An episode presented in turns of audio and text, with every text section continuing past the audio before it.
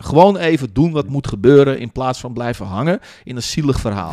Training ging zwaar. Nee, training ging niet zwaar. Je hebt zwaar getraind. Hi, leuk dat je weer kijkt naar een nieuwe video. En in deze video ga ik het samen met Tom Bruinen hebben over de juiste mindset in de sportschool.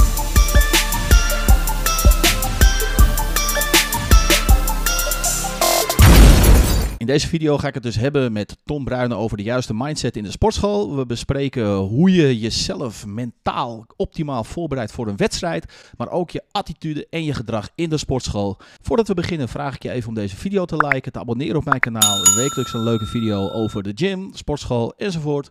Ehm, ja, ik zeg, we gaan gewoon beginnen. Zo Tom, alles goed? Ja, zeker. Ja. Uh, lekker weer ook, hè? dus dat, dat helpt allemaal mee. Bloemetjes gaan bloeien. Uh, we voelen gewoon uh, de lente uh, erin komen. Dat lente staat voor de deur, hè? Ja, je hoe is, de, hoe is, de, hoe is de, de sfeer in de gym momenteel bij jou? Bij mij goede spirit. Ik ja? merk dat mensen er ook zin in hebben. Die pakken trainingsschema's weer op. ze stellen voor zichzelf doelen. Ze werken naar een wedstrijd toe. Ze vragen mij actief van wanneer kan ik inschrijven voor bepaalde wedstrijden. Hoe doe je de selectie van je wedstrijdteam? Uh, dus dat zijn dus, de mensen worden een beetje eager, hè, dus, dus hongerig noem ik dat. Uh, ze willen graag uh, meedoen in de, in, de, in de gym met, met het geheel, zeg maar, wat ik neerzet met mijn wedstrijdteam. Ja, leuk. Hey, en jij, jij zei in de voorbespreking dat je een, een wedstrijd hebt gehad met atleten. ja, klopt. Hoe ging dat? Uh, nou, je moet je voorstellen dat ik heb dit toernooi anders inge, ingericht dan voorgaande toernooien. Heel vaak als ik een toernooi organiseer, dan zorg ik ook dat er voldoende vrijwilligers zijn vanuit de club. Ja. Dus dat je alles bemenst. Uh, het laden van de haltes, dat je scheidsrechters uh, die de bond erbij betrekt, die ook in je club uh, vaak al lid zijn. Ja. En dat je dan ook nog een keer de hosting doet, de gastheer speelt en dat je nog een keer de, de, de broadcasting team neerzet. Mm -hmm. En ik had dit, dit keer had ik het heel anders gedaan. Ik heb gezorgd dat elke sporter een helper mee ging nemen. Ja. En daarnaast eventueel een coach. Nou, met als gevolg dat ik eigenlijk uh, twaalf uh, atleten had en twaalf helpers, min of meer. Ja. En die kregen ter plekke een, een subtaak toegewezen. Die mochten bijvoorbeeld naast de scheidsrechter zitten en meekijken met de scheidsrechter en informatie krijgen. Ze mochten laden. Hè. De halte moet natuurlijk geladen worden. Dat is een van de belangrijkste taken bij een gewichtswedstrijd. En bij Powerlift ook trouwens. Het Meedoen? Gebeurt of, ja, vaak door een team van drie mensen. En dan heb je nog uh, de medische hoek. Ik had iemand zitten die eventueel uh, uh, de eerste hulp kan toepassen. had ik een, een, een uitzendgroepje. en dan heb ik nog een gastheer, catering. nou, dus assistent van de beurtbriefjes. Hè, die zorgt dat dat goed gebeurt. Nou, dan heb je bij elkaar heb je al snel dat je heel veel taken kan verzinnen waar mensen dan in mee gaan doen. Kijk, de officials zijn echt degene die er uh, tot, tot, uh, van, al de, van alles uh, echt de details weten. Maar heel vaak zie je dat mensen niet zo snel zo'n taak doen, omdat ze daar ehm, te professioneel over denken. Ja. Dus als je ze een rol geeft om naast de scheidsrechter te zetten, dan leren ze ook de ogen van de scheidsrechter kennen en snappen ze beter wat er aan de hand is. En zijn ze misschien minder huiverig om ook uh, mee te gaan helpen. Maar dat is ook een breder ja. plaatje, want dat doe ik zelf ook. Kijk, uh, bij mij als je, ja. als je begeleiding uh, neemt, dan neem je dat in principe altijd op, op een personal training situatie. Maar toch um, doe ik ieder, ieder lid, zeker als ze wedstrijden ambiëren, ook echt in het groepsproces betrekken. Dus ook inderdaad naast het doen van wedstrijd zoveel mogelijk vragen ook te helpen, te assisteren in de intrainruimte. Um, met beurtbriefjes, dus het assisteren bij coachen van anderen, om ze ook in, in een breder plaatje te betrekken. Dat is eigenlijk een beetje wat jij um, ook uitlegt. Ja, en ik denk dat als je, als je kijkt naar als iemand helper is en misschien overweegt om een wedstrijd te doen, hè, dat kan dus ook wel zijn dat je nog niet zo ver bent dat je zelf heel erg, je traint wel, maar je bent nog niet uh, toe aan een wedstrijd. Ja. Dat je die situatie ook kan verkennen op die manier. Hè. Dan ben je, ben je met het hele proces bezig. Je bent bij de weging betrokken van, van een atleet. Ja. Hè, dus die, op afstand volg je dat. Je bent betrokken bij de organisatie. Je ziet, je kijkt mee. En niet alleen als publiek. Het publiek kan bij mij trouwens toch niet binnen, want ik heb gewoon een te kleine ruimte.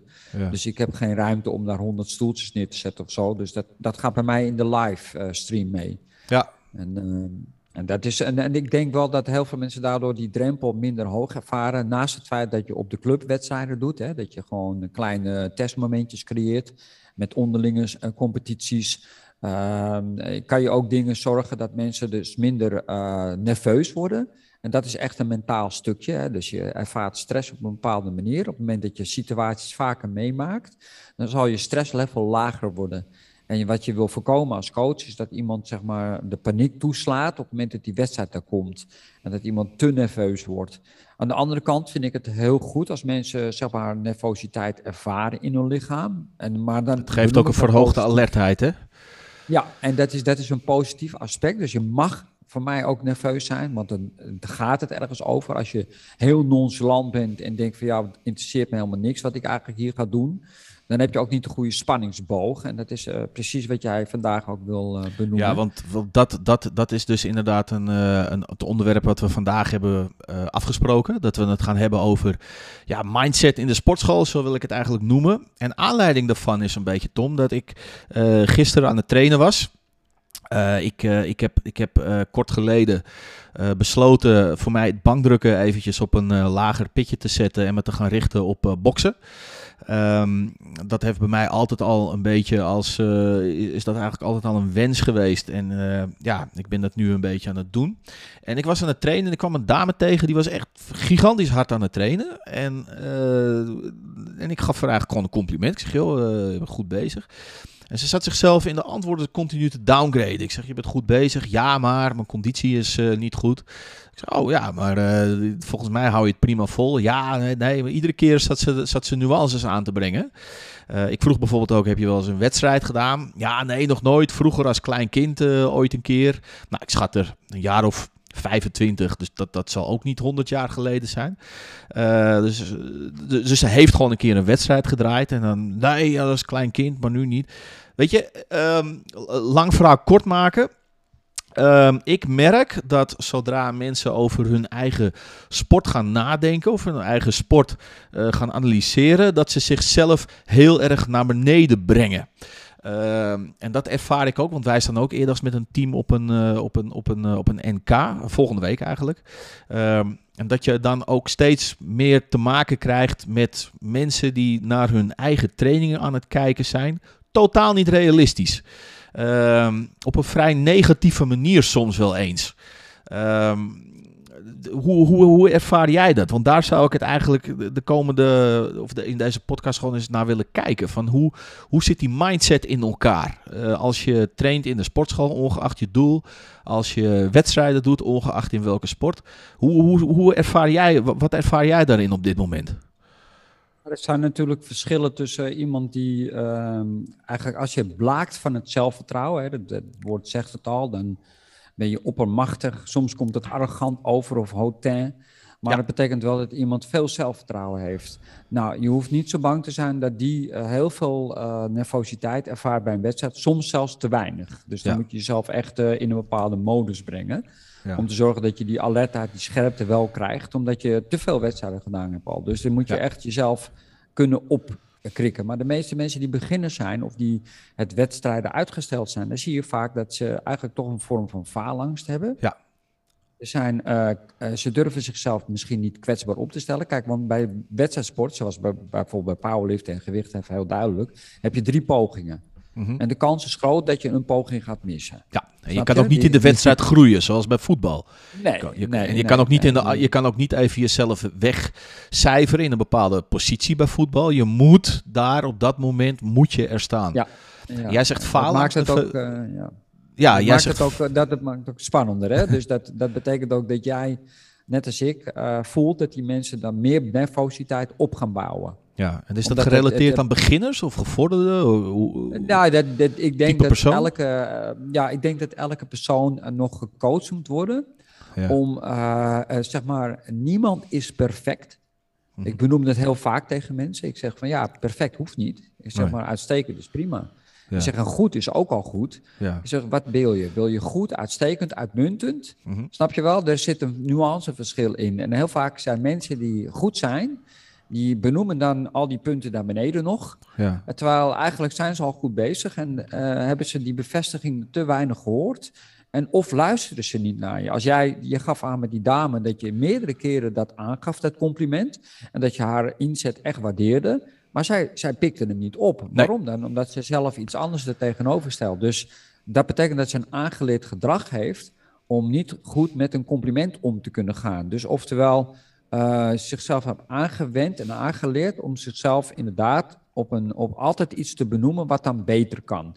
Ja, luister, uh, ik kan uh, 40 jaar gewicht even doen als wedstrijdsporter. En elke beurt die ik doe, valt er wel wat. Als je een vergrootglas erop legt, valt er wel wat op te merken. En valt er iets te verbeteren. Zelfs, zelfs de, de persoonlijke records, de Nederlandse records die ik getild heb, daar valt altijd op af te dingen. Dus het is helemaal niet zo moeilijk om een fout te zoeken. Maar het gaat erom, wat deed je dan wel goed? Dus ja, af te dingen of gewoon te analyseren van welke verbeterpunten nemen we mee naar een volgende wedstrijd? Ja, maar als je. ik vind dat wel. Ik vind dat twee. Wat zeg je? Als je een verbeterpunt kan benoemen. Ja. De, de fout analyseren leidt niet altijd tot het proces om het te verbeteren. Dus als mensen niet ook aangereikt krijgen hoe ze dat, hoe ze dat kunnen op, pakken en hoe ze daar zelf mee om kunnen gaan.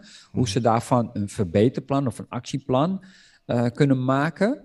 En daarbij ook accepteren dat als je iets verandert, dat het, dat het fout kan gaan, zeg maar. Dat ook fouten bij het leerproces en ontwikkelingsproces horen. Dus falen hoort een beetje bij uh, jezelf verder krijgen. Zonder dat je, uh, kijk, ik heb, ik, ik, heb ook wel mensen meegemaakt die dan in een tweede beurt zichzelf voorbij renden per se een gewicht wilde tillen, wat eigenlijk van tevoren al boven die 100% lag. Dus dan heb je een eerste beurt neergezet, ben je in de wedstrijd en dan word je overmoedig. En dan ga je iets doen waarvan de kans op falen te groot wordt. Dus dan krijg je gelijk, want je gaat falen, want je hebt het opgezocht. Dus, de, dus dan zie je soms mensen die eigenlijk zichzelf aangeleerd hebben om een aanpak te kiezen die leidt tot falen. En dat kan dus ook in, in allerlei algemene dingen in het werken of in het leven zijn, dat je jezelf eigenlijk uh, dusdanig overvraagt. Dus dat je uh, van tevoren eigenlijk al kan aanzien aankomen dat het je niet kan lukken. Want hoe ga je daarmee om als coach? Ik bedoel, je, je, je geeft aan, uh, hè, iemand rent zichzelf voorbij. er is sprake van nervositeit, faalangst. Hoe coach je daarop? Wat zeg jij tegen, tegen die gewichthefatleten? Nou, als het op dat moment plaatsvindt, dan kan je heel weinig meer doen, behalve dus geruststellen. Mm Snap je, als iemand echt te nerveus is en angstig wordt, dan kan je proberen te zeggen van je hebt hartstikke goed getraind, je weet dat je dit kan, dit kan je makkelijk in een training, dus ook de keuze van welk gewicht je kiest, hè, die is mhm. belangrijk om iemand in de wedstrijd te laten komen en het zelfvertrouwen te laten groeien. Ja. Nou, dat zijn andere elementen dan het gewicht wat iemand kan tillen. Dus op het moment dat ik een eerste beurt opgeef, en dat doe jij ook bij powerliften, dan ga je niet inzetten op iemands 100% waarde. Nee, dat is je voorbereiding. Ja. Ja, dat, dus is, dat is een goede voorbereiding. Eerste, ja, precies. En dat is wat jij als coach ook doet. Je zorgt dat die mensen hun zelfvertrouwen opgebouwd kan worden in die wedstrijd. Je weet één ding. Als het er ergens toe doet, zijn die mensen al weken bezig. Ze hebben een programma. Ze zijn al weken die datum in hun hoofd. En die staat op de kalender. Dus je weet één ding zeker. Ze leven er al heel lang naartoe. Dus je hoeft ze vaak niet wakker te schudden. Ja, nou. nou wat, wat, wat, wat mijn aanpak daar een beetje in is, uh, en ik heb mezelf altijd op wedstrijden ook heel erg uh, mentaal uh, getraind. Uh, ik ben er heel bewust mee bezig geweest. En dat doe ik ook eigenlijk nu met de sporters die ik coach. Dat is de situatie van een wedstrijd zoveel mogelijk normaal uh, laten lijken. En ook zoveel mogelijk uh, laten lijken op uh, de situatie in de vertrouwde gym. Dat wil zeggen, dat ik ook inderdaad uh, uitga van een goede voorbereiding. Het pure rationele. Dus gewoon uh, vooraf de beurten afspreken. En gewoon, of de eerste beurten afspreken, goed oefenen. Uh, maar als je gaat kijken naar het emotionele gedeelte. Hè, dus, dus hoe reageert iemand op de drukte van een wedstrijd? hoe reageert iemand op prikkelingen enzovoort? Dat is dat, dat, dat ik als coach eigenlijk zoveel mogelijk normaliseer. Dus doe, en dat is vaak ook gewoon zo, alsof de situatie op een wedstrijd of in een zware training eigenlijk gewoon heel normaal is. En dat is het ook, want dat hoort erbij.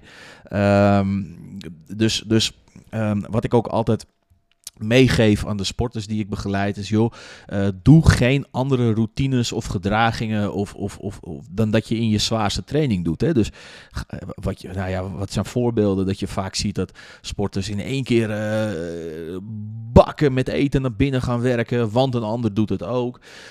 of in een hele rare maniertjes gaan aannemen enzovoort. Ik probeer ook daar de, de, de tips en de gedragingen eigenlijk zo simpel mogelijk in te houden.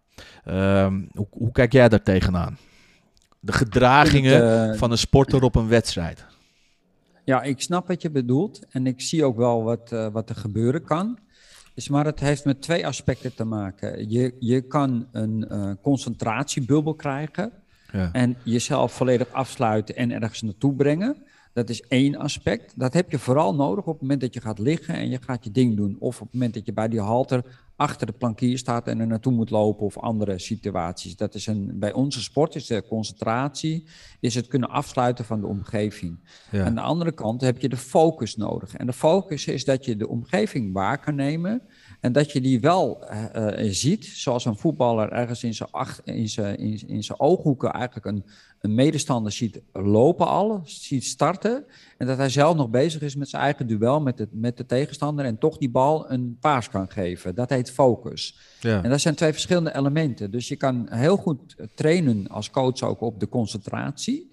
Maar je moet ook concentreren op hoe train je de focus van iemand. Nou, en dan heb je, je zegt al, ik moet mijn situatie bij de training eigenlijk simuleren naar zo'n wedstrijdsituatie ja, toe. exact. En dan moet iemand eigenlijk al ja, uh, een, een, een, focus hebben waarbij de omgeving niet kan binnendringen, maar dat hij hem wel kan, mag waarnemen. Want anders, als je jezelf alleen maar in een concentratiebubbel brengt, dan uh, heb je kans dat iemand overgeconcentreerd in die wedstrijd stapt en dat hij zijn eerste beurt juist mist, omdat ja. hij te, te hoge uh, concentratie had en de focus verloren was. Die, ik heb wel eens meegemaakt dat ik, als ik een, een focusverlies zag bij een sporter, dat ik hem aansprak, ja, je moet. En dat hij volledig uh, uh, alleen maar om zich heen zat te staren ja, maar dan, dan, anders dan, was. Dan komt hij er ook niet meer in. Maar wat, wat, wat ik altijd prettig vond, was te zorgen dat je zo snel mogelijk uh, comfortabel wordt met je omgeving. Hè? Dat, dat zie je ook. Ja. Zie je ook vechtsporters ja, dus... doen. Dat is vooraf, en die gelegenheid is er altijd, eventjes op het, uh, op het wedstrijdpodium uh, gaan staan. Eventjes ja. uh, de omgeving verkennen.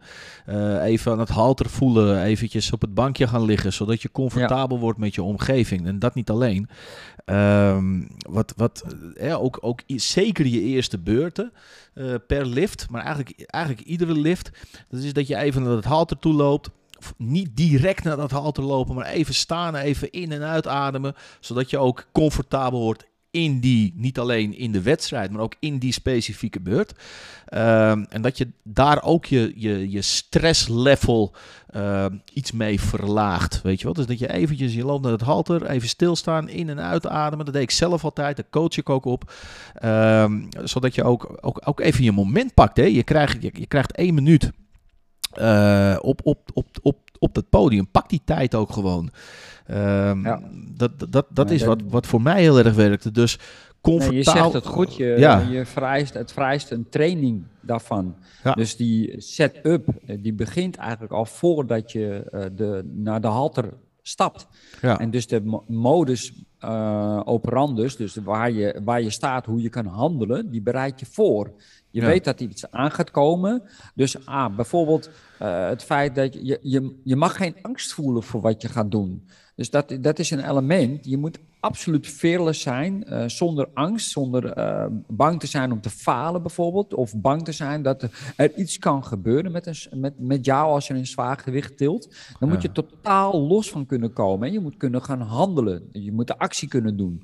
Ja. En dat moet je mentaal voorbereiden. Dat ben ik helemaal met je eens. Zeker ja. in dit soort situaties, dat je extreme inspanning doet. Want we hebben het niet over iets wat je 40 keer kan herhalen. Hè, we hebben het over een moment dat je maar één kans hebt. Heel kort. Dan heb je dat veel meer nodig dan, dan, uh, dan zeg maar iemand die uh, inderdaad in een voetbalwedstrijd staat, 40 keer een paas kan geven. En dan mag heus wel eentje verkeerd terechtkomen. Hè, en dan zeg je sorry tegen je maatje en dan hoop je dat de tegenstander niet een doelpunt uitscoort. Alhoewel ik laatst een terugspeel, heel onhandige terugspeelbal zag weer in een voetbalwedstrijd. En daar kwam natuurlijk wel een doelpunt uit voor.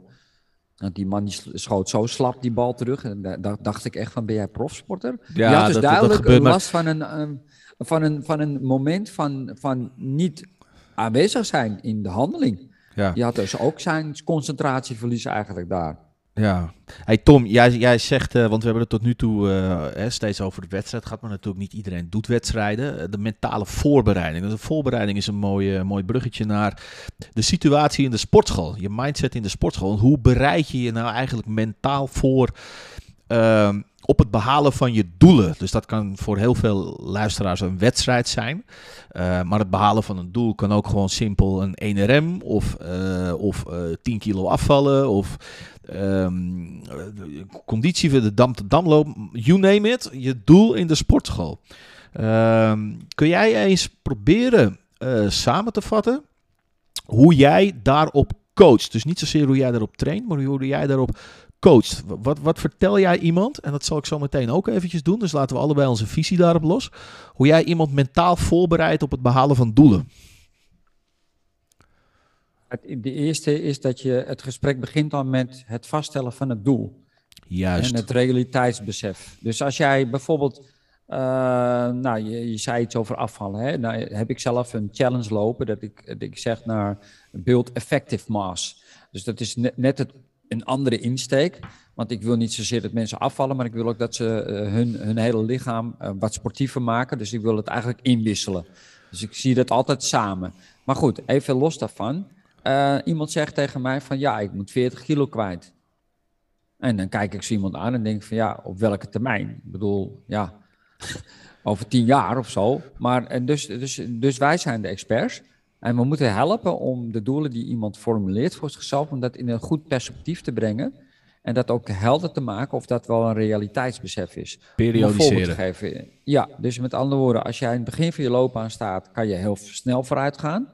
Maar verwacht nou niet dat het oneindig doorgaat. Die, die steile lijn in het begin, die kan niet oneindig doorgroeien. Op een gegeven moment vlakt dat af en dan heb je, moet je een ander realiteitsbesef hebben in, in het wedstrijddoel of in het schemadoel wat je krijgt. Dan kan je niet weer 10% meer sterker worden. Dat, misschien is het maar 1% in een periode van, van 6 tot 12 weken. Hmm. Wij weten dat. Maar die sporter heeft vaak dat overzicht niet. Je ontbreekt die kennis. Dus je moet helpen bij het stellen van een reëel doel. Dat is stap 1. En dan twee is van, beseffen die mensen wat ze ervoor over moeten hebben om dat te kunnen bereiken? Ja. Snap je? Hebben ze wel enigszins in de gaten van als ze dat roepen, wat je daarvoor moet doen? Ja. Dus ik wil graag dat iemand een, een, een doel heeft, maar dat hij ook beseft wat de consequentie is van het stellen van het doel, is dat je commitment hebt. Dat je je consistente trainingsarbeid verricht of je consistente levensstijl daaraan aanpast. En dan moet je helpen om in dat proces die mensen stapjes te laten zetten in die consistentheid. Want als mensen dus iets willen wat ze niet kunnen, moeten ze dus veranderen. En die adaptie naar die verandering toe, dus het aanpassingsvermogen, wordt dus, is een belasting. Maar hoe bepaal jij of iemand iets wil en dat dat niet kan? Is dat op dat moment al om dat te beoordelen? Nee, dat doe, eigenlijk, eigenlijk heb ik mijn kennis. Maar het belangrijkste is dat ik probeer die persoon tot inzicht te laten komen in wat hij eigenlijk zegt. Ja. Dus het is niet zozeer dat, dat het onmogelijk is. Alles is mogelijk. Ik bedoel, uh, eh, 40 kilo afvallen. Ga naar zo'n dokter die een slang in je lijf hangt. En laat alles wegzuigen. En dan Oké, maar, maar als jij. Als, je, wat ik bedoel? Als, als, als iemand zegt. Van, wat, wat ik altijd belangrijk vind. Dat is dat je iemand eigenlijk zelf. Uh, en, en dat, dat doe ik zelf ook. Hè. Ik, ik stel ook doelen. Ik stel. Uh, voornamelijk in de sport. Daar zitten we ook over te praten. Uh, ik, ik heb uh, 15 jaar, uh, 10, 15 jaar ertussenin een beetje wedstrijden gedaan. Dus ik heb heel veel doelen gehad. Een van mijn heilige doelen, dat was een 1000 kilo totaal halen met powerlifting en een 300 plus. En dan praat ik over de tijd van equipped met bankdrukken. En ehm, op dit moment coach ik vooral op het behalen van doelen, maar nog steeds ook in mijn eigen sport. En wat ik zelf altijd doe, dat is als ik een doel stel, is die zo uitgebreid mogelijk beschrijven. Dus uh, ik, ik, ik, ik wil een doel beschrijven en ik, geef daar eigenlijk een profiel aan. En vervolgens vind ik het belangrijk, als je dat doel hebt gesteld, um, eigenlijk een beetje je te gedragen en te leven alsof je daar al bent. Snap je? Dus alsof jij. Uh, hoe, hoe, pakt dat, hoe, hoe uitzicht dat dan in de praktijk? Ik zal je twee voorbeelden geven. Um, als ik die duizend wil gaan halen, die duizend kilo, en dan praat ik over de periode 2015, 2016, dan speelde dat. ja, dan ga ik me al die duizend kilo lifter voelen, weet je wel. Ehm, dan voel je je al een sterke powerlifter. En zo, dan, dan gedraag je je ook zo. En dat is bijvoorbeeld nu. Ik heb nu dan dat bankdrukken van mij eventjes op een lager pitje gezet. En ben me gaan concentreren op, uh, op, op, op uh, boksen. Uh, en ik heb daar eigenlijk nooit, nooit wat mee gedaan. Nu wel. Um, en wat ik, dan, wat ik dan eigenlijk doe, dat is als je een doel stelt, dat is dat je je daarna gaat gedragen. Dus dat houdt in, ik maak een plan. Dus, dus waar wil je staan over een jaar? Nou, dat, geef, dat plan, dat is je doel, dat geeft je profiel. Dat ga je zo uitgebreid mogelijk uh, omschrijven. En dat plan, dat ga je vervolgens naleven. Want wat ik heel erg merk aan mensen, dat is dat ze wel inderdaad zeggen wat ze willen bereiken. Maar vervolgens daar allerlei nuances in gaan brengen waardoor ze het niet bereiken. Dus ja, maar ik heb geen tijd om zo vaak. Ik wil, ik wil wel trainen, maar ik heb er geen tijd voor. Of ik zit met mijn werk, of ik zit met mijn kinderen, of ik zit met dit of dat of zus of zo. Dus heel erg inzoomen wat het doel is, maar vooral waarom het niet kan. Maar uh, ja, lang verhaal kort, twee dingen. Leven alsof je je doel al, of je daar al bent. En vervolgens daar gewoon een heel concreet plan over maken. Of denk, hoe denk jij erover? Ja, dat vind ik op zich een heel goede manier. Het enige, enige risico is dat, kijk, we hebben allemaal een eigen identiteit. Ja. Je bent wie je bent. Ja. Uh, en dus uh, wat, ik, wat ik een risico vind, is, is uh, het maak ik natuurlijk veel mee in mijn werk. Hè? Dus, dus als ik werk met professionele dansers of professionele muzici die in een orkestbak zitten, Weet je, wat je ziet is vaak dat die mensen zich bijna vereenzelvigen met hetgeen wat ze doen. Dus wie ben jij als je geen danser bent? Wie ben jij als je geen muzikant bent? Wie ben jij als je die top powerlifter niet bent? Wat blijft er dan van je over? Dus het moet ergens in balans zijn met je eigen identiteit. En het mag niet een obsessief gegeven worden waarbij je je eigen identiteit kwijtraakt. Ja. Dus ik zou zelf eh, wel uh, proberen, dus toegevoegd, vind ik, want je zegt het heel goed. Je moet wel uh, ook uh, je kunnen voorstellen dat je dat bent, want anders kom je er ook niet, want je ja. wordt het ook. Hè? Ja. Je kan het alleen worden als het moment dat je daar, dat vind ik een hele goede. Alleen, en de consequentie daarvan is dat je stappen moet zetten en prioriteiten moet zetten. Want of nou een professionele danser in zijn jeugd ook, uh, die danste twee, vier uur per dag al. En ja. dan wordt die jongere en dan gaat het door naar vier tot zes uur per dag. Dat geldt ook voor muzici, die spelen vanaf een zesde viool. Ja. En dat dan meerdere uren per dag. Dus en wij als sporters, op een gegeven moment ben je een profsporter, dan heb je ook meerdere uren per dag dat je fysiek traint. Ja, ik vind het, wel, ik misschien... vind het wel een mooi woord wat je gebruikt, want hè, mijn, mijn visie is een beetje van, hè, je stelt een doel uh, en, en je gaat dat doel eigenlijk gewoon naleven. Je identiteit aannemen alsof je daar bent, maar vervolgens zet jij er tegenover. Het wordt obsessief en dat is dan weer een andere uiterste. Um, dat is wel wat ik vooral ook in, in, uh, in het liften heel vaak ben tegengekomen. Mensen die in het. Ik, ik, ik, ik ben altijd gemotiveerd geweest om het doelen te behalen. De ene keer wat meer en de andere keer wat minder. Maar over de gehele linie genomen vind ik in gezonde mate. Maar ik ben wel heel veel voorbeelden tegengekomen van uh, sporters die daar heel obsessief en dwangmatig mee omgingen.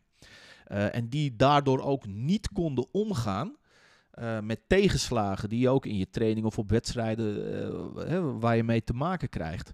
Dus het obsessieve ja, gedeelte daaraan, dat, dat ehm, ja, hoe je mag jezelf niet kwijtraken, zeg nee, maar. Weet je? Dus je moet je, en dat is precies wat, ik, wat jij zegt, heb ik laatst weer uh, recentelijk ook weer gezien.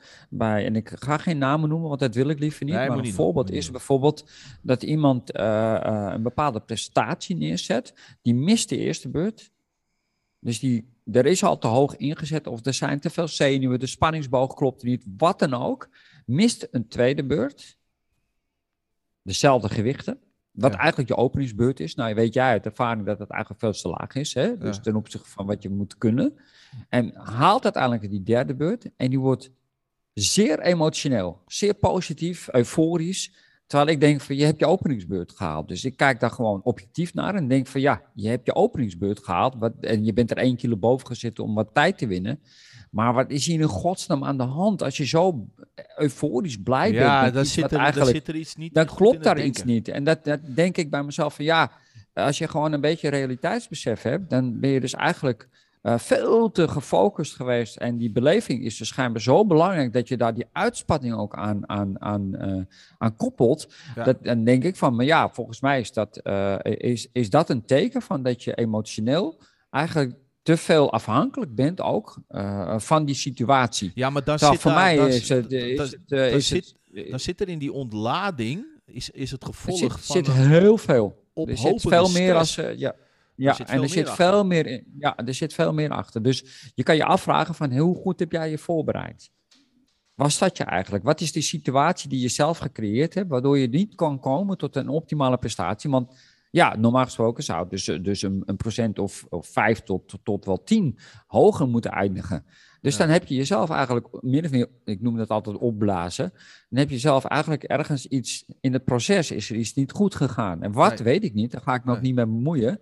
Want dat vind ik ook niet mijn plek. Hè? Dus, dus maar ik observeer het dan. Hè? Dus dan uh, en ik, uh, en ik, uh, als ik dan uh, scheidsrechter ben en ik zit zo'n heel NK te kijken, dan observeer ik heel veel elementen. Ja, ik, heb dat, ik heb dat wel gehad, Tom. dat, dat hij duizend kilo speelde, dat, dat is gewoon drie, vier jaar lang is dat het heilige doel geweest. En ja. Ehm, dat was in 2016, toen stond ik op de. en, en, en, en je, bouw, je bouwde daar naartoe. Hè? En dan had je een wedstrijd op 970. En dan de, de wedstrijd erop had ik 977, dan een keer 980. Dus per stapje van 2,5 bouw je daarheen. En toen stond ik in, uh, in Florida op de WK 2016. En toen had ik uh, na mijn eerste beurt stond ik op een totaal, of na mijn eerste deadliftbeurt, zo moet ik het zeggen, stond ik op een totaal van 990 kilo. Dus ik was 10 kilo verwijderd van het doel.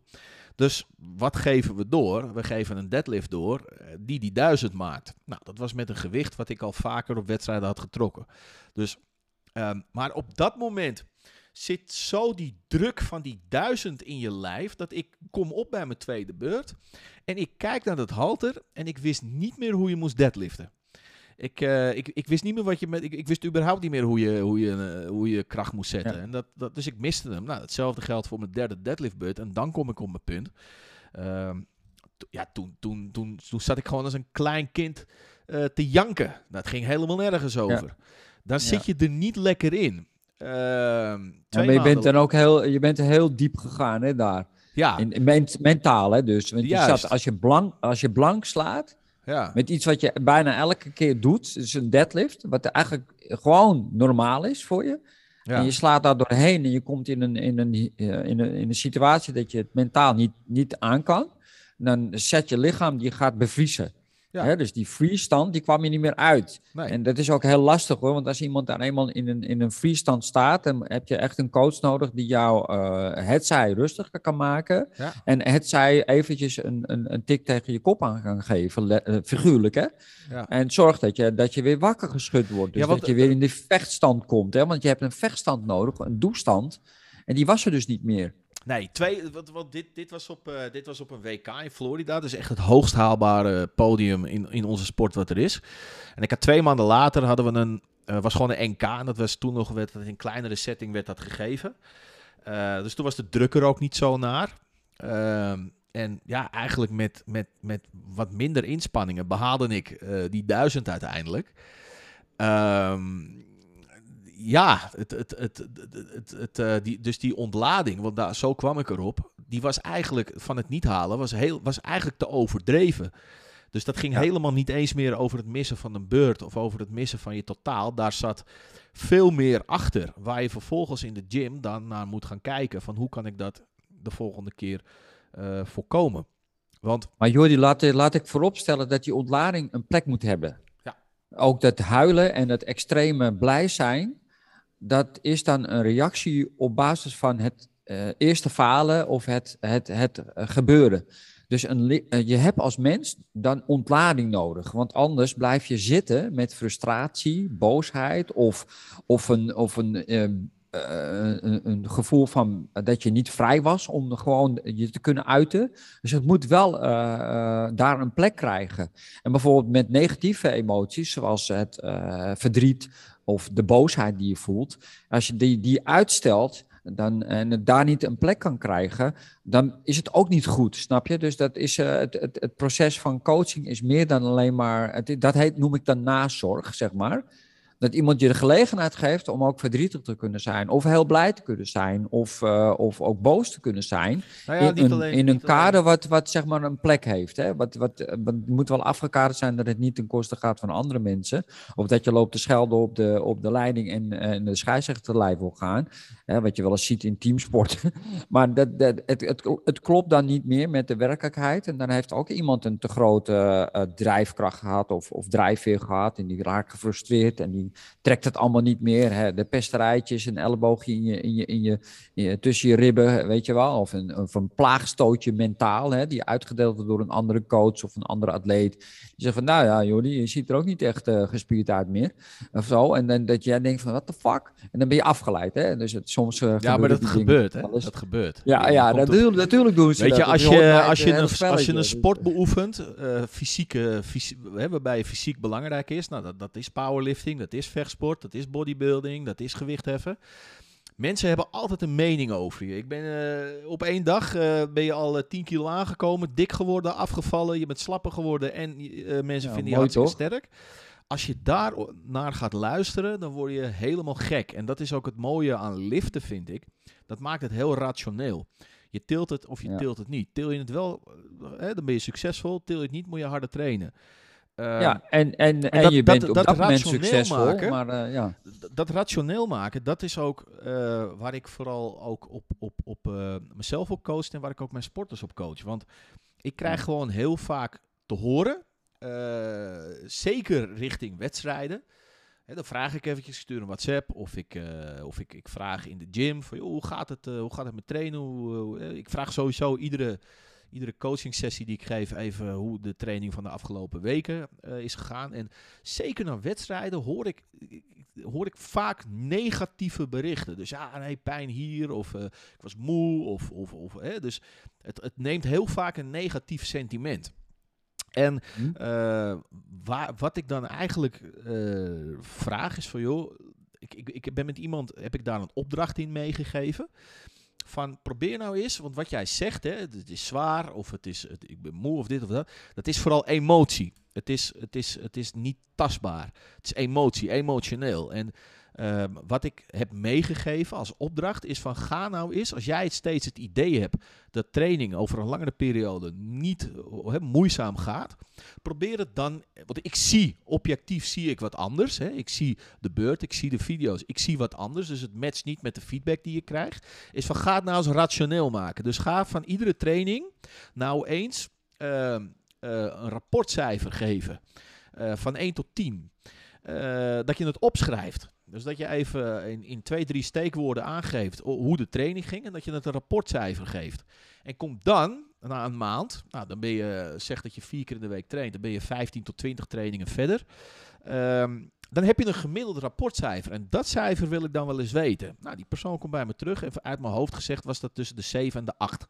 Nou, vind ik een behoorlijk rapportcijfer voor een voorbereiding. Ja, zeker als je onder druk staat van. Ja, dus daar dus zie je dat iemand, hoe die tegen ze, hoe die ze, uh, uh, uh, hoe die over het totaalplaatje denkt, dus vrij negatief, matcht niet met hoe die iedere keer in de trainingen zelf staat. Ehm, en als je met die... Ja, dus, dus dat klopt. Ik denk dat je daarmee een instrument geeft. Hè? Ben je nog verstaanbaar ja, nu? Ehm, mijn belichting valt om. Maar volgens mij is het zo. Oh ja. Ja, het is zo ja, te doen. Zo zitten we weer goed. Maar uh, wat, je, wat je aangeeft is eigenlijk... Mensen moeten leren in, in het moment van nu te zijn. Juist. Want ook als jij kampioen wordt, dan, uh, dan, dan morgen kan je zeker geen kampioen zijn. Want je bent gewoon aan het herstellen. En het kan misschien wel een paar weken duren. Dus mensen uh, projecteren in jou een bepaald beeld. En je krijgt een bepaald imago, maar de realiteit is natuurlijk op dat moment, de, na die wedstrijd, is heel anders. Dus dat, dat, dat, het verandert elke keer. Waar mensen moeite mee hebben, is het accepteren van die verandering. Snap je? In het moment van nu staan betekent ook dat je weet waar je aan toe bent en dat je een realiteitsbesef hebt. Ik denk dat je dan, als je wat jij doet met het rapportcijfer, is eigenlijk mensen laat je dan eigenlijk even een niveautje hoger klimmen dan de situatie. Ja. Dus, dus in een beleving en het plaatsen van reflectie en een, en een rapportzaadje geven, geven, of wat je dan ook doet. Hè, ook, ik kan het zelf in mijn hoofd. Ik, ik spiegel gewoon in mijn hoofd van hoe ging dit. En dat doe ik zelfs bij elke beurt of elke training of elke oefening. Dat, dat, dat kan ik steeds opnieuw repeteren, want dan stijg ik, ontstijg ik even het nu. Reflecteer op wat de realiteit is, want het beleven, de emotie daarvan, zit vaak niet helemaal reëel. Dus dan moet, je even uit die emotie stappen om daarop terug te kunnen pakken op die situatie die er was. En dat een heel realiteit te geven. En daar moet je uh, gevoel voor krijgen en ontwikkelen. En op een gegeven moment is dat een soort tweede natuur geworden. En dan uh, in het begin hebben mensen vaak daar gewoon instrumenten voor nodig. Maar op een gegeven moment kun je dat makkelijker, uh, zeg maar, erin stappen, eruit stappen en weer terugstappen. Weet je wel, dat, dat proces van in een training. En daar is, daar is, denk ik, krachttraining is uitstekend geschikt. Omdat je in setjes en series werkt en herhalingen werkt. En vind ik dat een mooi instrument om mensen te leren erin te stappen, eruit te stappen, terug te stappen, te voelen, te ervaren. De, de, de reflectie op wat, wat, uh, hoe was mijn concentratie, hoe was mijn uitvoering, hoe was mijn controle, waar zat ik goed en waar zat ik verkeerd. Uh, wat voelde ik daar? Uh, ik voelde dat het niet goed nou ging. ja, gewoon. Kijk naar de, dat, ja. dat, dat, dat, klopt eigenlijk met wat, wat ik net zit uit te leggen. Dus eigenlijk, hè, dus je zegt van. Uh, ja, het, het, emotionele zoveel mogelijk naar de achtergrond brengen. Je training zo rationeel mogelijk maken. Door het gewoon op feiten te beoordelen. Ja, maar emoties mogen, hè? Dus, dus dat ik al zei van huilen, blij zijn. Je mag altijd, zeg maar, iets voelen. Ja. Dat, dat is goed juist. En het betekent ook dat je ook kan voelen dat je, dat je je goed voelt tijdens de training. Of juist, sommige mensen hebben het heel sterk. Die zien altijd als een berg op tegen trainen, maar als ze eenmaal bezig zijn, dan voelen ze zich heel goed. En andere mensen die kijken uit naar de training en die voelen zich ook heel goed en zijn na afloop gewoon heel moe.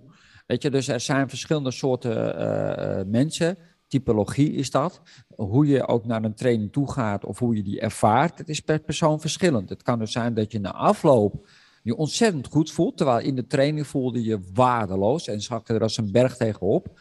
Het kan ook zijn dat jij als persoon, hè, jij, jij hebt veel ervaring en ik ook, dat sommige trainingen ga ik gewoon heel lekker.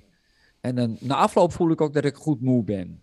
En dan heb ik daar min, uh, voel ik me wat minder goed. Omdat het dan eventjes indaalt en dan voel ik gewoon die vermoeidheid. Of de dag daarna, dan heb ik wat minder energie. Als ik echt hard train, heb ik minder energie. In tank kan maar één keer leeg. Hè? Dus voor alles wat je doet, kan de tank maar één keer leeg. Je hebt maar 24 uur op een dag. Dan moet je van slapen, eten en jezelf verzorgen. Dus dat, dat, je hebt maar een bepaalde hoeveelheid tijd waar ja, je wat moet in 24 uur gebeuren.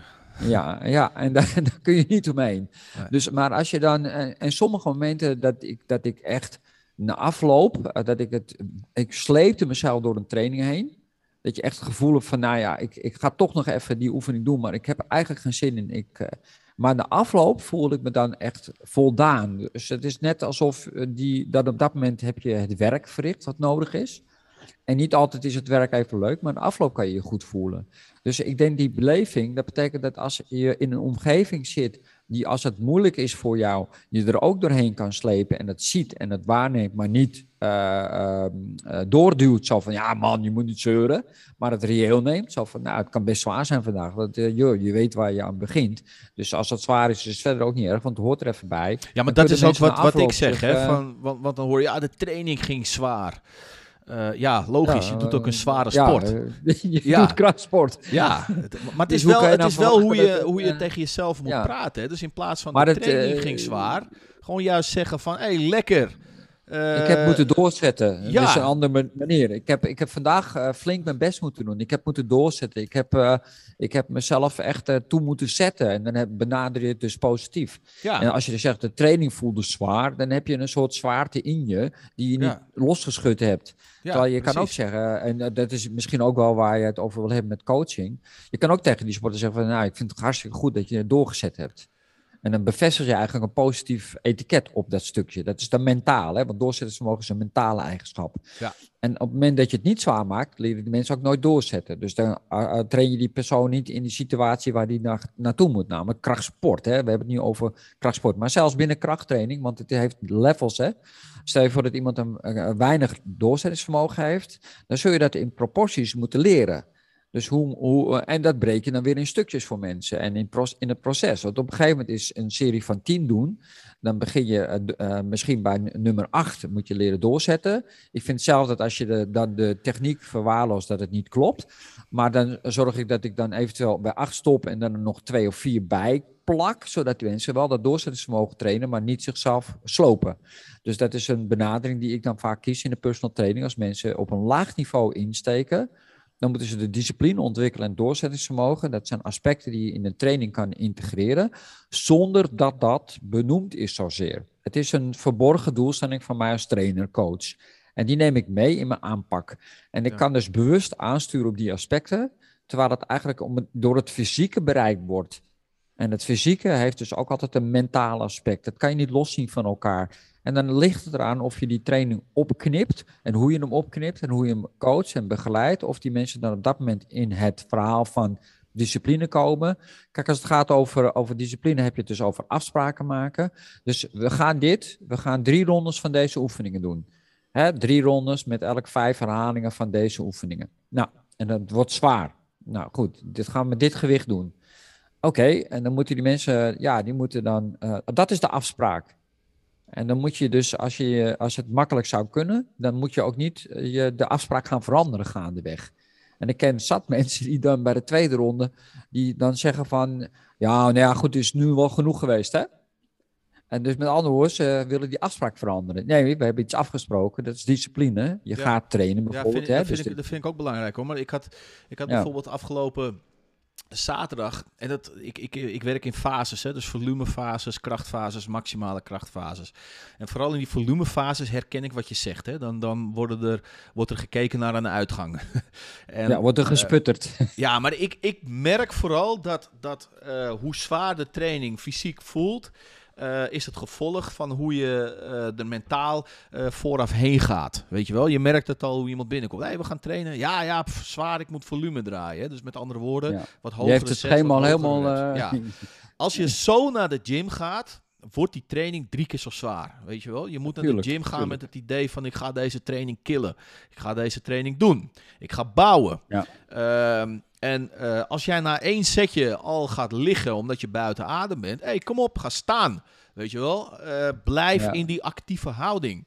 Dwing jezelf uh, om te herstellen in plaats van te gaan liggen. Want als je gaat liggen, geef je toe, wordt de volgende set drie keer zo zwaar. Komt, komt het vier keer zo hard binnen. en waarom hamer ik hier nu op. Omdat ik zelf natuurlijk ook een tijdje een nieuwe sport beoefen. Die conditioneel vooral heel zwaar voor mij is. Maar als ik tussen de, tussen de setjes of tussen de rondes door ga toegeven en uithijgen. Dan ga je naar een rustmodus. En dan komt het vervolg alleen maar harder binnen. Dus uh, je moet tegen jezelf vooraf zeggen: ik ga deze training doen. Bam. En je houden, wat jij zegt, aan de afspraak.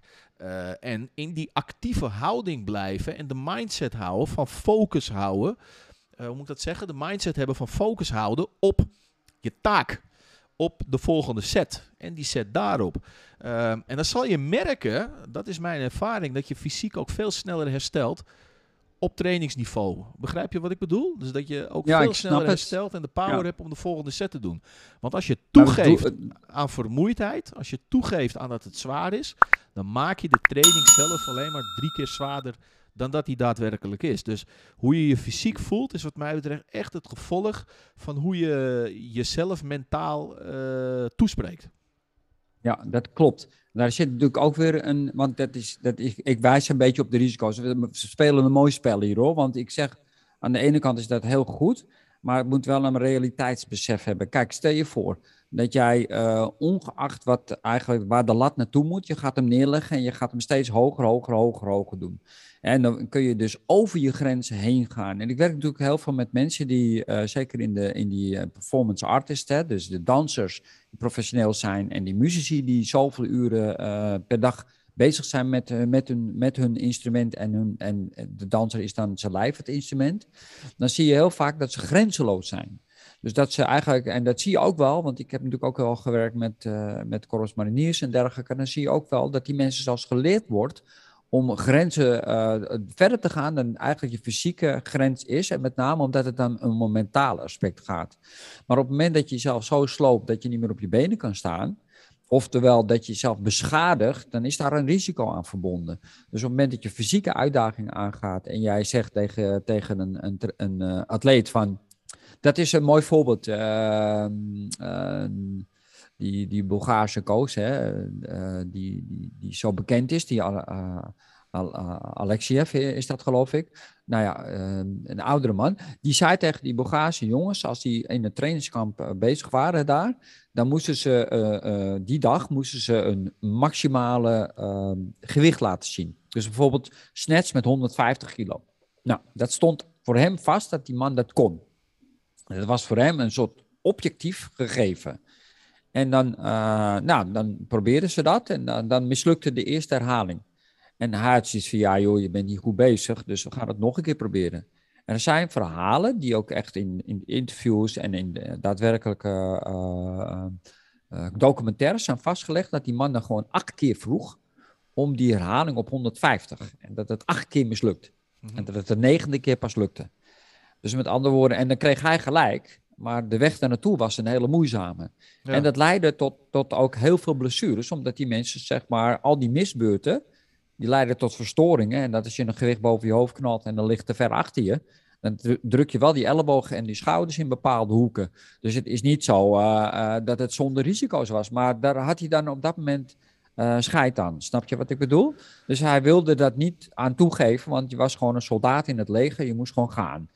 Met andere woorden, je kan mensen natuurlijk ook wel, als je daar te veel uh, in, uh, dat is de kunst van het trainen coachen, is natuurlijk dat je die mensen uiteindelijk niet kapot traint, maar dat je, ze daar naartoe kan brengen. Maar ja, en dat, Is, dat is een heel, heel, heel merkwaardig vak. Want je moet ze leren om, om, om zeg maar hun eigen grenzen dus te verbeteren. Want dat is trainen. Hè. Trainen is het veranderen van je belastbaarheid. En de, de, belastingen die je aan kunt. Of het nou dus met boksen is of dat het iets anders is. Je moet, je moet door kunnen gaan. En je moet die grenzen dus, dus iets verleggen. Het gaat niet gepaard zonder dat je daar druk bij ervaart. En ook fysieke druk, mentale druk. En ook uh, in principe soms sociaal. Hè? Want mensen krijgen, als jij dus in, in, in, in een powerlift-wedstrijd zou meedoen, hebben mensen een bepaalde verwachting van je. Dus krijg je sociale druk mee.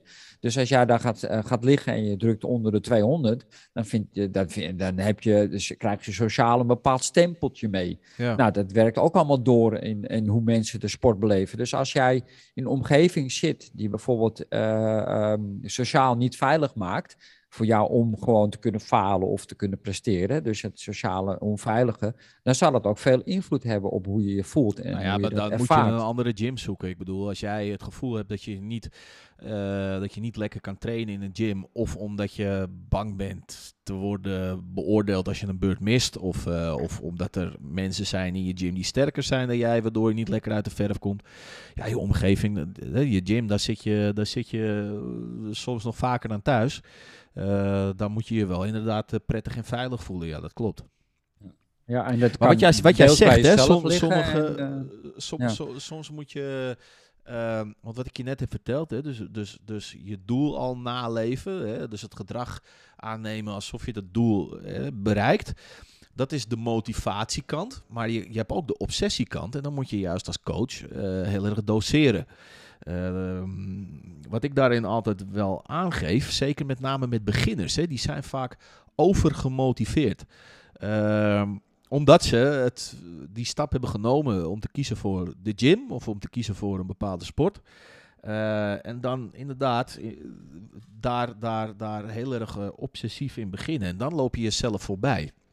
Of omdat ze aangeven dat ze elke dag willen trainen, dus de frequentie. Of omdat ze alles tegelijk willen, dus en uh, veel trainen en alle gear, equipment kopen wat er beschikbaar is. En ook nog met voeding en nog, dus daar heel uh, ja, obsessief in gaan. En wat ik eigenlijk altijd daarin meegeef is, uh, maak een realistisch plan. Dus train liever drie of vier keer in de week, wat je ook nakomt dan zes of zeven, waar je dan wekelijks toch wel uh, één of twee of drie trainingen van mist. Want als het doel is om vier keer in de week te trainen. Uh, en uh, weet je, je stelt jezelf, hè, als de bedoeling is om vier, vier keer in de week te trainen en je zet jezelf als doel drie keer, dan heb je één training geplust. Maar als het doel is om vier keer in de week te trainen en je wil zes of zeven en je komt uit op vier, dan heb je het gevoel van ik heb er twee of drie gemist. Um, dan heb dus, je het gevoel van ik heb gefaald. Juist. Ja. Dus, dus zet een heel realistisch plan. Uh, op qua trainingsfrequentie, qua stappen. Dus begin eens met goed te trainen. Uh, kijk dan eens naar de equipment die je nodig hebt. Nou, op het moment dat dat lekker loopt, kijk eens of je voedings in balans is. Dus stap voor stap voor stap voor stap. Uh, zodat je met kleine stappen bouwt aan een stijgende lijn in plaats van grote sprongen waar je jezelf misschien aan voorbij loopt. Het gaat dus over een, een, een, een realistisch plan. Uh, hè, dus dat je jezelf niet, niet, niet voorbij loopt, maar realistisch. Hoe kijk jij daar tegenaan? Hoe, hoe, hoe monitor jij iemand? En je zal ook met beginners te maken krijgen. Dat is mijn favoriete pool met mensen, omdat je die helemaal kan, kan leren en kan kneden. Uh, maar hoe, hoe stuur jij daarop? Het is heel wisselend. Kijk, um, ik zorg in ieder geval voor dat in, via de regels en de, uh, de, expertise die in de gym al is, dat mijn ervaren lifters ook meer meenemen dan alleen zichzelf. Zij zijn eigenlijk het verlengstuk van de trainer, de verlengde arm van de trainers. Dus als jij, als jij eh, mensen opvoedt om ook een rol te spelen naar beginners toe, dan zorg je al voor dat die mensen in een veilige omgeving komen. Dus ze zijn welkom, ze voelen zich op een gemak en ze krijgen dan terug hoe die persoon ook traint. Nou, eh, de meeste mensen bij mij, die heb ik geleerd om uh, ook te kijken naar hun leven. En een reëel verwachtingspatroon voor mij is als iemand een 40-urige baan heeft, reistijd en ook nog een keer een relatie heeft, hè, en een normaal leven heeft, met hobby's ook desnoods, dan kan je niet verwachten dat ze iemand vaker dan drie keer in de week komt trainen. Dat is een bijna, bijna irreëel. Weet je, zeker ook met de sporten die wij doen, powerliften, gewichtheffen, dan heb je vaak al sessies die toch wel bij elkaar twee uur duren. Hè, want veel korter kan het niet duren met warming-up en alles mee. En ook nog een keer het gesprekje wat je, wat je nodig hebt, of de tips of de hints eh, die je krijgt van een trainer. Dat is niet niks. Dus met andere woorden, dan vind ik drie keer in de week twee uur trainen op kracht.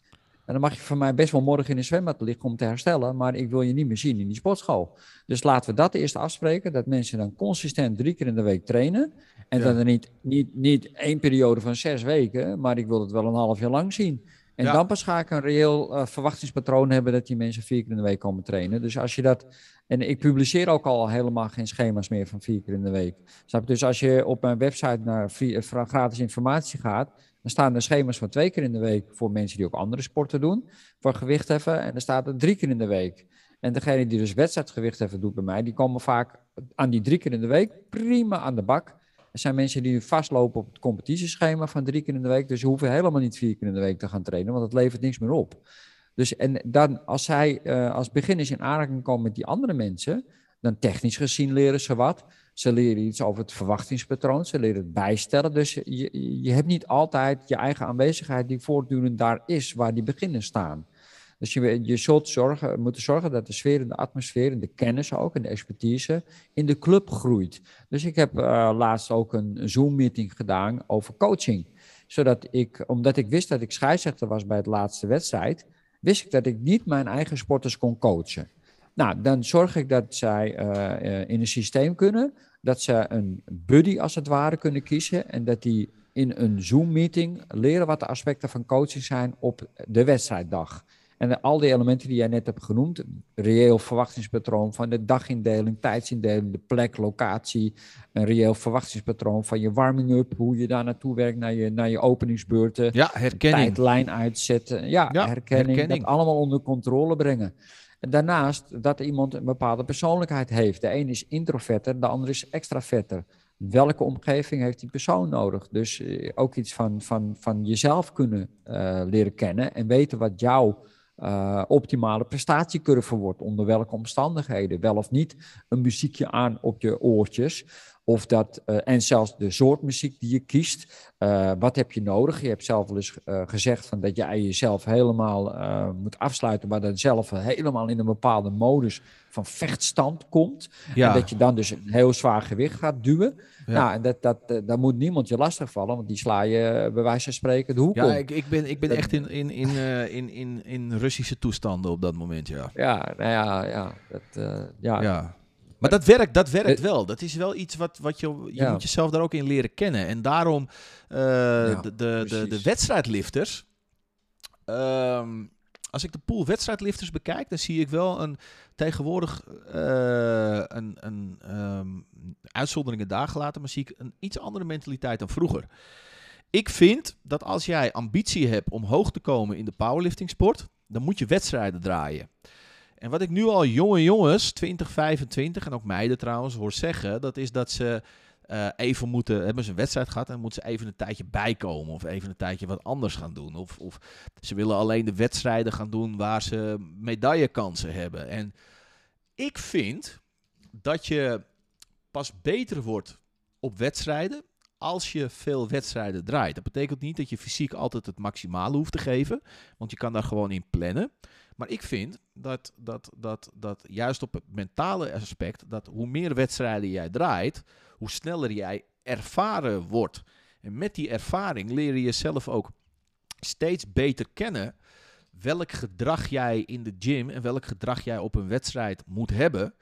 Uh, om het optimale eruit te halen. Want ik leerde mezelf op een gegeven moment kennen. Ik dacht altijd, ik moet heel, heel wild zijn op een wedstrijd. Ik moet heel, heel veel energie moet, ik, uh, moet ik geven. Maar dat timde ik op verkeerde momenten. Dus ik gaf heel veel energie al weg voor ik überhaupt hè, bij, bij het opkomen, om mezelf op te peppen. Maar op het moment dat ik de beurt moest doen, was, was mijn energie weg. Dat leer je pas als je wedstrijden draait. Dus ik leerde mij om juist heel rustig uh, te zijn op de wedstrijd. En dat matcht niet helemaal met wat ik net zeg, maar dat zijn verschillende dingen. Maar heel rustig te zijn op een wedstrijd, maar die energie vol in die beurt te leggen. Uh, dat rustig, niet... of, rustig of beheerst. Snap je beheerst, wat ik bedoel? Beheerst, want ik ben niet rustig. Ik ben op een nee. adrenaline-level, daar kan je vier nachten op, uh, op wakker blijven. Maar wel heel beheerst. Ik bewaar dat voor de daadwerkelijke beurt.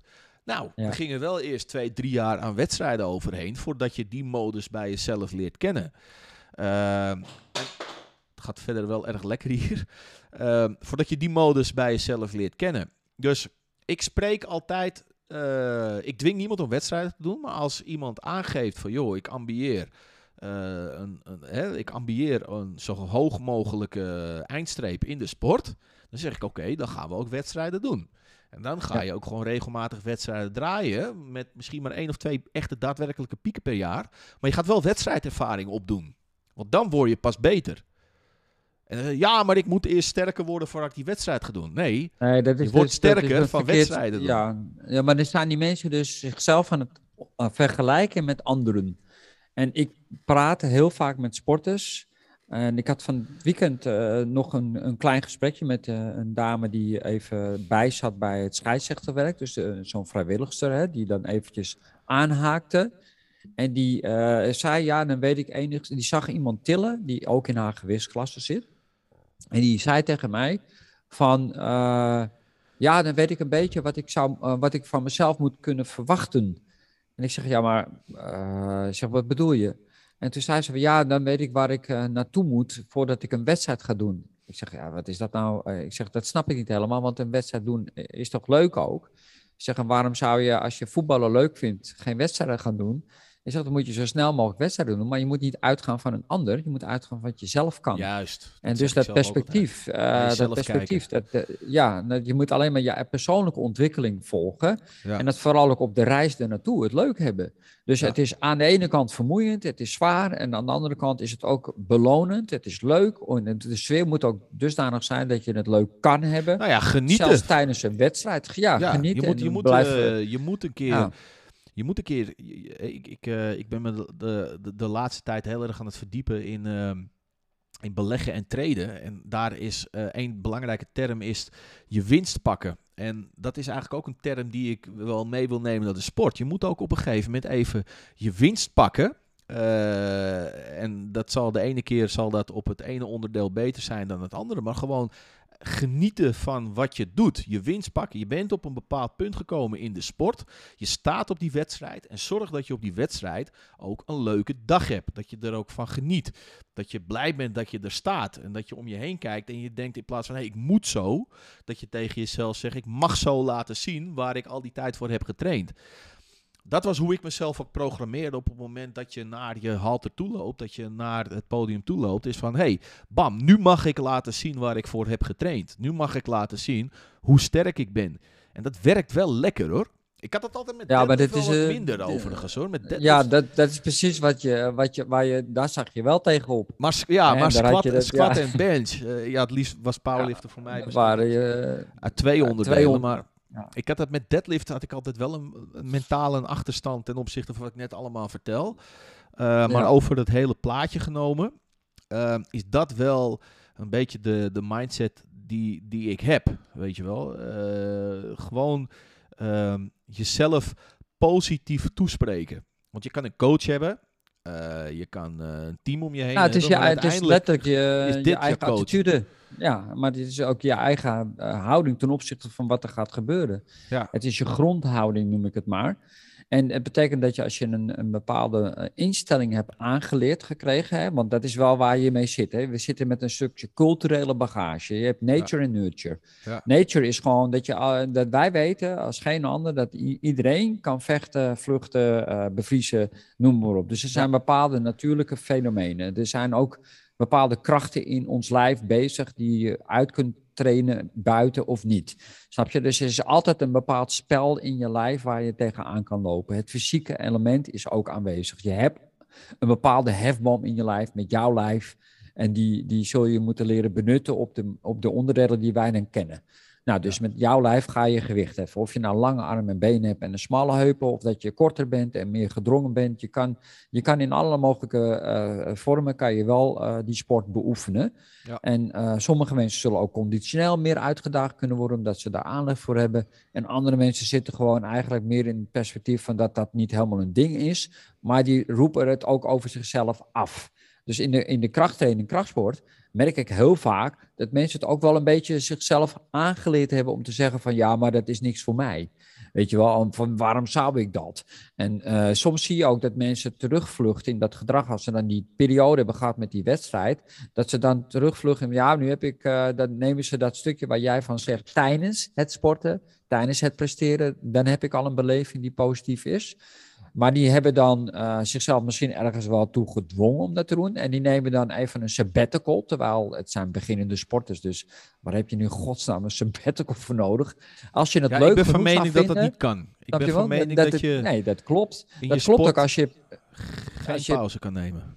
Nee, maar als je echt sport doet, dan blijf je ook bij die sport betrokken. En dan blijf je ook trainen omdat je dat leuk vindt. En dan blijf je ook daarin met de prestaties die je op dat moment kan neerzetten in een redelijk perspectief zitten.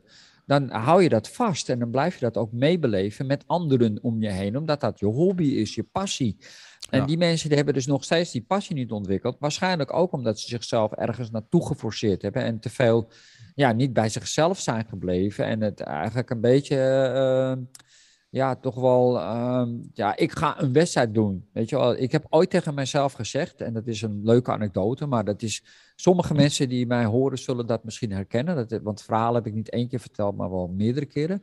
Ik heb toen ik tijd dat ik de, de NK Powerlifter meedeed, was het ergens in maart of zo, en ik weet niet meer wanneer om, want het is te lang geleden, want ik was een, een, een eerste klasse lifter, hè. ik had die kwalificatie gehaald toen een tijd, zoveel eh, punten had je gehaald, dus ik hoorde bij de top, eh, top 40 of 25 van Nederland, dat maakt niet uit. In ieder geval mocht ik meedoen met de, met de eerste klasse. Nou, dat is natuurlijk al heel wat en dat heb ik een aantal jaren mogen doen. Ja, vroeger was dat, hè, voor de duidelijkheid, een A en Ja, B-klasse. ja. Ja. Ja, en dus ik zat in de hoofdklasse en eh, je kon daar ook niet aan meedoen als je niet gekwalificeerd had. Nou, dat is op zich een hele veilige manier, want dan had je nooit mensen die plotseling tevoorschijn kwamen en nauwelijks wisten hoe een wedstrijd powerlifter was. En die hun bandages bijvoorbeeld niet strak genoeg eh, inbonden. En dus je had een bepaald soort veiligheid daar Dat binnen. is ook iets van dat- vroeger, dat, toen eh, werkten we met kniebandages. Ja, nou ja, dat, is allemaal, eh, nou, dat is allemaal, eh, weet je wel, wat, wat, wat toen de tijd speelde. Want eh, mensen moesten wel eh, veilig kunnen, die situatie aan kunnen gaan. Dus nou, in die hoofdklasse die had ik dit gedaan. En ik had tegen mezelf gezegd, na het kampioenschap powerliften, schrijf ik mezelf in voor een marathon. Omdat ik vond dat ik als sporter genoeg basis had om ook dat te kunnen doen.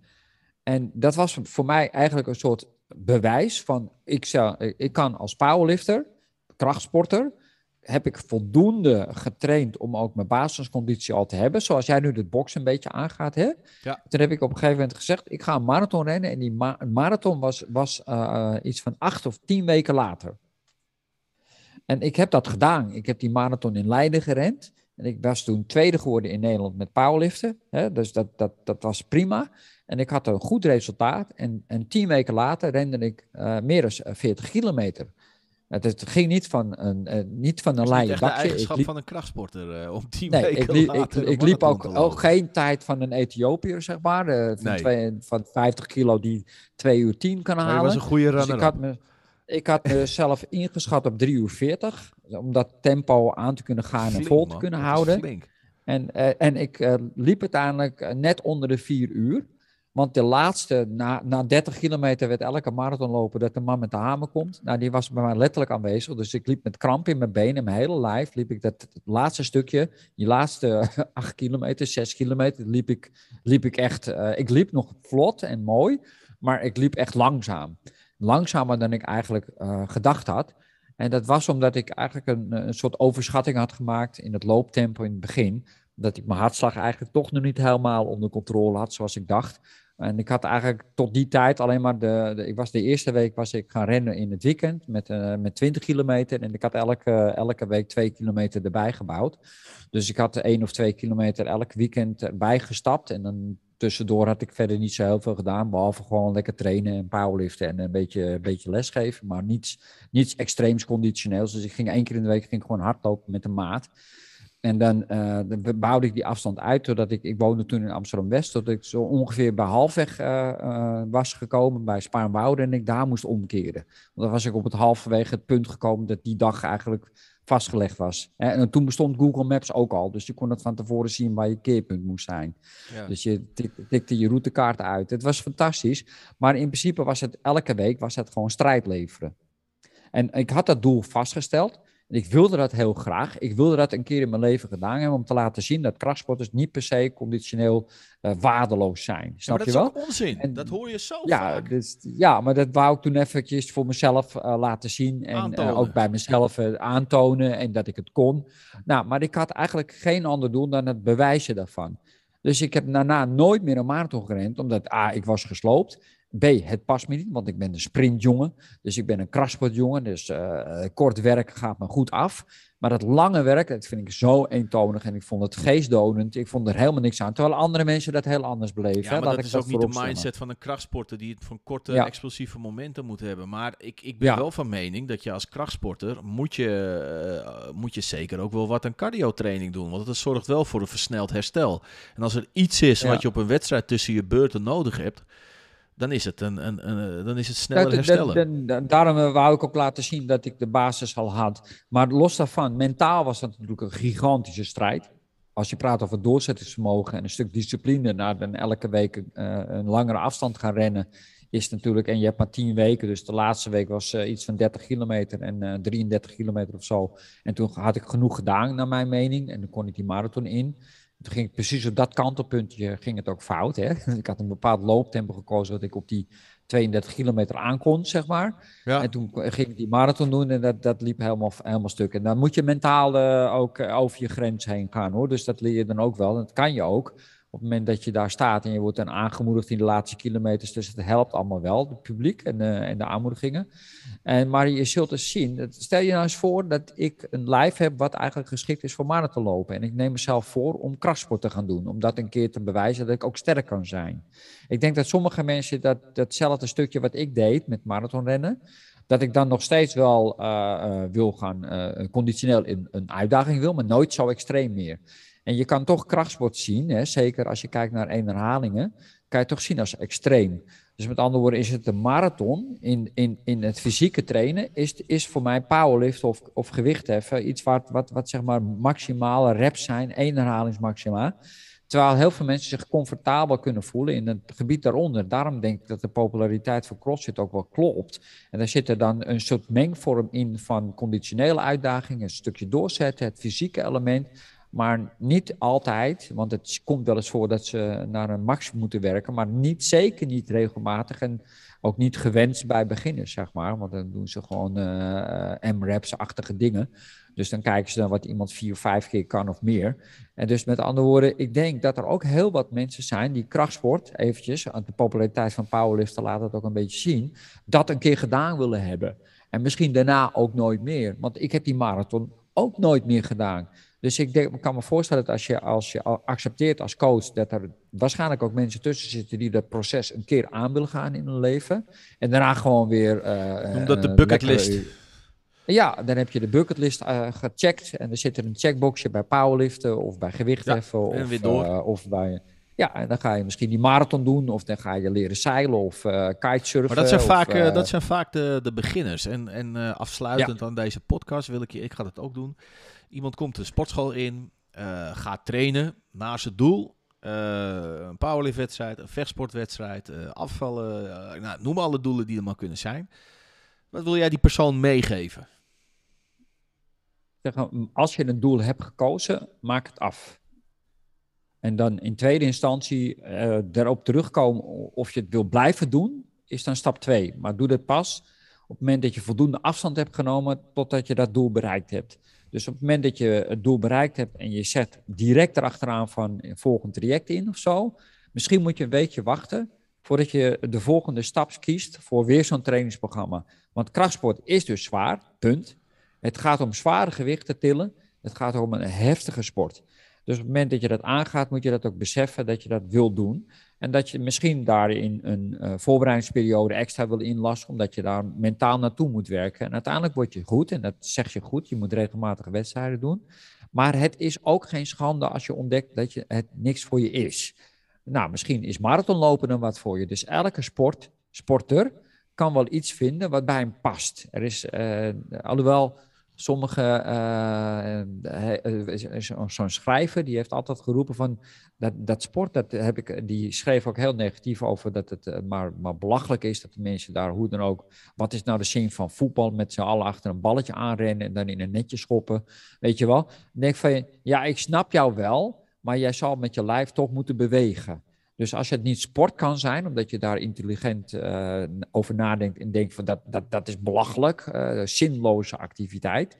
En je hebt daar een bepaalde conclusie uit. Je bent het je lijf wel verschuldigd om te sporten. Want het bewegen zelf is wel nodig voor je lijf om goed te kunnen functioneren. Nou ja, wat ik, dat is wat ik, eigenlijk uh, wil meegeven dan. Ja, kijk, ik, je... ik, zelf ook hoor. Uh, of je nou hè, een, een, beginner, nou ja, je kan een beginner zijn als je je eerste wedstrijd doet, maar je kan ook een beginner zijn als je voor de eerste keer de gym in gaat. Dus alle stappen die je neemt voor de eerste keer zijn eng, zijn een behoorlijke drempel. Uh, maar realiseer je dat de mensen die jij vervolgens in die omgeving om je heen krijgt, ook ooit een keer dat voor de eerste keer hebben gedaan. Uh, en die met hetzelfde gevoel en dezelfde situatie en diezelfde drempel hebben moeten nemen als dat jij op dat moment doet. Wat ik zie is dat het belangrijk is, want het gaat in je hoofd zitten. Alles wat je wil ga, en wat je daarvoor moet doen, gaat in je hoofd zitten. En dat wordt één wespennest. Dus wat uh, voor mij heel erg werkt, dat is dat je de doelen die je wilt behalen en het proces naar die doelen uh, opschrijft. Want dan maak je het ook weer rationeel. Je maakt het een plan. Uh, en je haalt het uit je hoofd. Dat geeft rust. Dus um, um, de doelen die je hebt, schrijf dat op. Uh, in de vorm van het behalen van die doelen. Hè? Dus de persoon die jij wil zijn na het behalen van die doelen, maar ook het proces daar naartoe. Nou, dat zijn vaak je trainingsschema's, je trainingsplanning uh, enzovoort. Want dan trek je het uit je dus- hoofd, je hebt een plan en dan maak je het fysiek, je maakt het rationeel en je maakt het tastbaar. Ja, dus ehm, echt, je zegt eigenlijk tegen de mensen van je, naast dat je het doel formuleert, heb je ook een to-do-lijstje nodig. Juist, want dan haal je het nogmaals, en dat vind ik zo belangrijk, dan haal je het uit je hoofd. En alles wat niet meer in je hoofd zit, geeft rust. Uh, voor andere dingen. En uh, dus, dus zoveel mogelijk opschrijven in de vorm van een plan, in de vorm van een concreet concept. Uh, leef je doel en stel je omgeving uh, ook op de hoogte dat je dat doel uh, wil behalen. Want daarmee creëer je um, een gezonde druk, een motivatie. De omgeving ziet jou als uh, uh, de persoon die dat doel op dat moment heeft bereikt. Dus dat, daarmee creëer je voor je eigen, voor jezelf de omgeving uh, die optimaal is naar dat doel. Dus stel jou, jouw mensen daar ook van op de hoogte. En dat jij misschien wel op sociaal vlak een ander mens gaat worden. Dat je bepaalde dingen gaat doen en bepaalde dingen gaat laten. en dat, dat, dat je omgeving dat ook accepteert, want dat is nodig om je doel te bereiken dat. Dat is een stukje motivatie. En dat je er ook van tijd tot tijd even afstand van neemt. Dus als jij een hele goede, want anders word je obsessief. Dus als jij een hele goede training hebt gehad of een tussenmeting en je bent heel succesvol, gun jezelf dan ook van tijd tot tijd even de rust om in je hoofd even niet met training bezig te zijn, maar met iets anders. Want dan hou je ook de gezonde balans. Hè? Ehm, dus enerzijds het leven van je doelen, een concept ervan maken door het op te schrijven, je omgeving eh, op de hoogte stellen om, om, om, om een zo optimaal mogelijk klimaat voor jezelf te bouwen. Ehm, maar vind daar ook de gezonde balans in. Dus uh, van tijd tot tijd er even afstand van nemen. Even met je hoofd aan iets anders denken. Uh, maar op het moment ja, de, dat je dan de volgende training er weer moet staan, dan ben je er. Als jij met jezelf afspreekt, ja. maandag uh, in de namiddag vijf uur trainen, doen. maar als jij jezelf aangeeft van op zondag gun ik mezelf rust, ga ik wat anders doen doen, weet je wel. Stap ja, dus voor dan stap, komt dat, stap, uh, voor dus je, je zegt heel duidelijk, dat komt dan ook op je to-do-lijstje te staan. Juist. En Dus, dan eh, stel je voor dat je de hele dag bezig bent met dat je s'avonds een bankdruksessie moet doen. ja, En dat je daar de hele dag aan, aan, aan al mee in je hoofd zit. Dan wordt je bankdruksessie niet beter van hoor. Nee, dus eh, die afstand Dus- heb je ook nodig. Dus op je to-do-lijstje moet ook staan afstand houden. niet ja, die afstand, die afstand heb je nodig. En, Ja. en wat belangrijk is, dat je je training zoveel mogelijk, dat je bij de feiten blijft. Weet je wel, dat als je een blessure hebt, dat je niet gaat, hangen, gaat blijven hangen in, eh, ik kan het nooit meer, het wordt nooit meer zoals het was, of ik word nooit meer zo sterk. Nee, bam, Ja. je hebt nu een blessure. Wat zijn de feiten? Blessure, opvolging bij een fysio of bij een behandelend arts. Eh, zorg dat je herstelt en je training weer oppakken. Gewoon even doen wat moet gebeuren in plaats van blijven hangen in een zielig verhaal. Ehm, training ging zwaar. Nee, training ging niet zwaar. Je hebt zwaar getraind. Snap je? Dat, dat zijn twee Ja, verschillende ja, uitleggen. klopt. Training ging niet zwaar. Het is een zware sport. Het gaat altijd zwaar. Nee, Ja. training ging niet zwaar. Je hebt zwaar getraind. En dat je eh, jezelf ja, rapportcijfers geeft. Weet je wel, deze training was een 7. Eh, want anders dan, dan, dan blijf je misschien veel sneller hangen in eh, het gaat niet of het doet zeer. Nee, dus ehm, Ja. rationeel maken en jezelf uiteindelijk. oh, je- het is heel, heel, heel afwisselend. Dus het gaat, het gaat goed, gaat niet goed, gaat goed, gaat niet goed, gaat goed, gaat niet goed. Maar bekijk het langere plaatje. Op lange termijn zie je gewoon een keurige stijgende lijn in je, eh, in je rapportcijfers, in je resultaten, in je motivatie. Eh, dus ook veel meer het op, op een lange termijn bekijken. Ik, ik, ik, ik denk dat we daarmee eigenlijk wel alles hebben gezegd. Het is doelen stellen, het proces daar naartoe. Eh, hoe ga jij erom, hoe ga ik ermee om? Tomme, ik denk dat we wel een mooi plaatje hebben gehad. Wat denk jij? Ja, uitstekend. Ik vind ook dat we het goed geformuleerd hebben. Jij hebt heel mooi eh, geformuleerd dat je daarvoor een, eh, zeg maar een, een, een opschrijfopdracht hebt eigenlijk.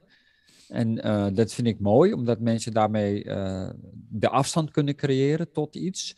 Ja. En dat ook wat realiteit kunnen geven en daarover na gaan denken. Dus met anderen op een ander level zitten dan alleen maar het doen. Ja. Dus eh, het uitvoeren van het trainingsprogramma is dan weer wat we net hebben benoemd van het doorzetten, het uitvoeren en, en niet te snel opgeven. Wel reëel blijven. Als iets niet gaat, gaat het niet. En dat terugkoppelen, ja, dat hoort er ook allemaal bij. Dus het is wat dat betreft een proces. En buiten dat gegeven heb je een bepaald resultaat.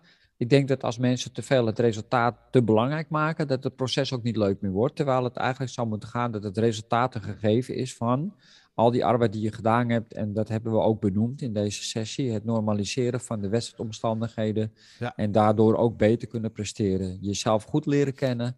En mentaal eh, weten welke focus je nodig hebt, welke concentratie je nodig hebt, hoe je daar kan komen, wel- wie, welke mensen je nodig hebt om daarin eh, steun te krijgen die je nodig hebt. Ja, er zijn- heel veel aspecten benoemd hier. Ik wil je danken. We hebben een Nou, leuke Jordi, podcast gehad. Ja, Jordi, ik vond het ook weer geweldig dat we samen hebben kunnen spreken over dit onderwerp. Hartstikke Yes. goed. Dankjewel. Over een maandje nog een keer. Jo, doen we. All right.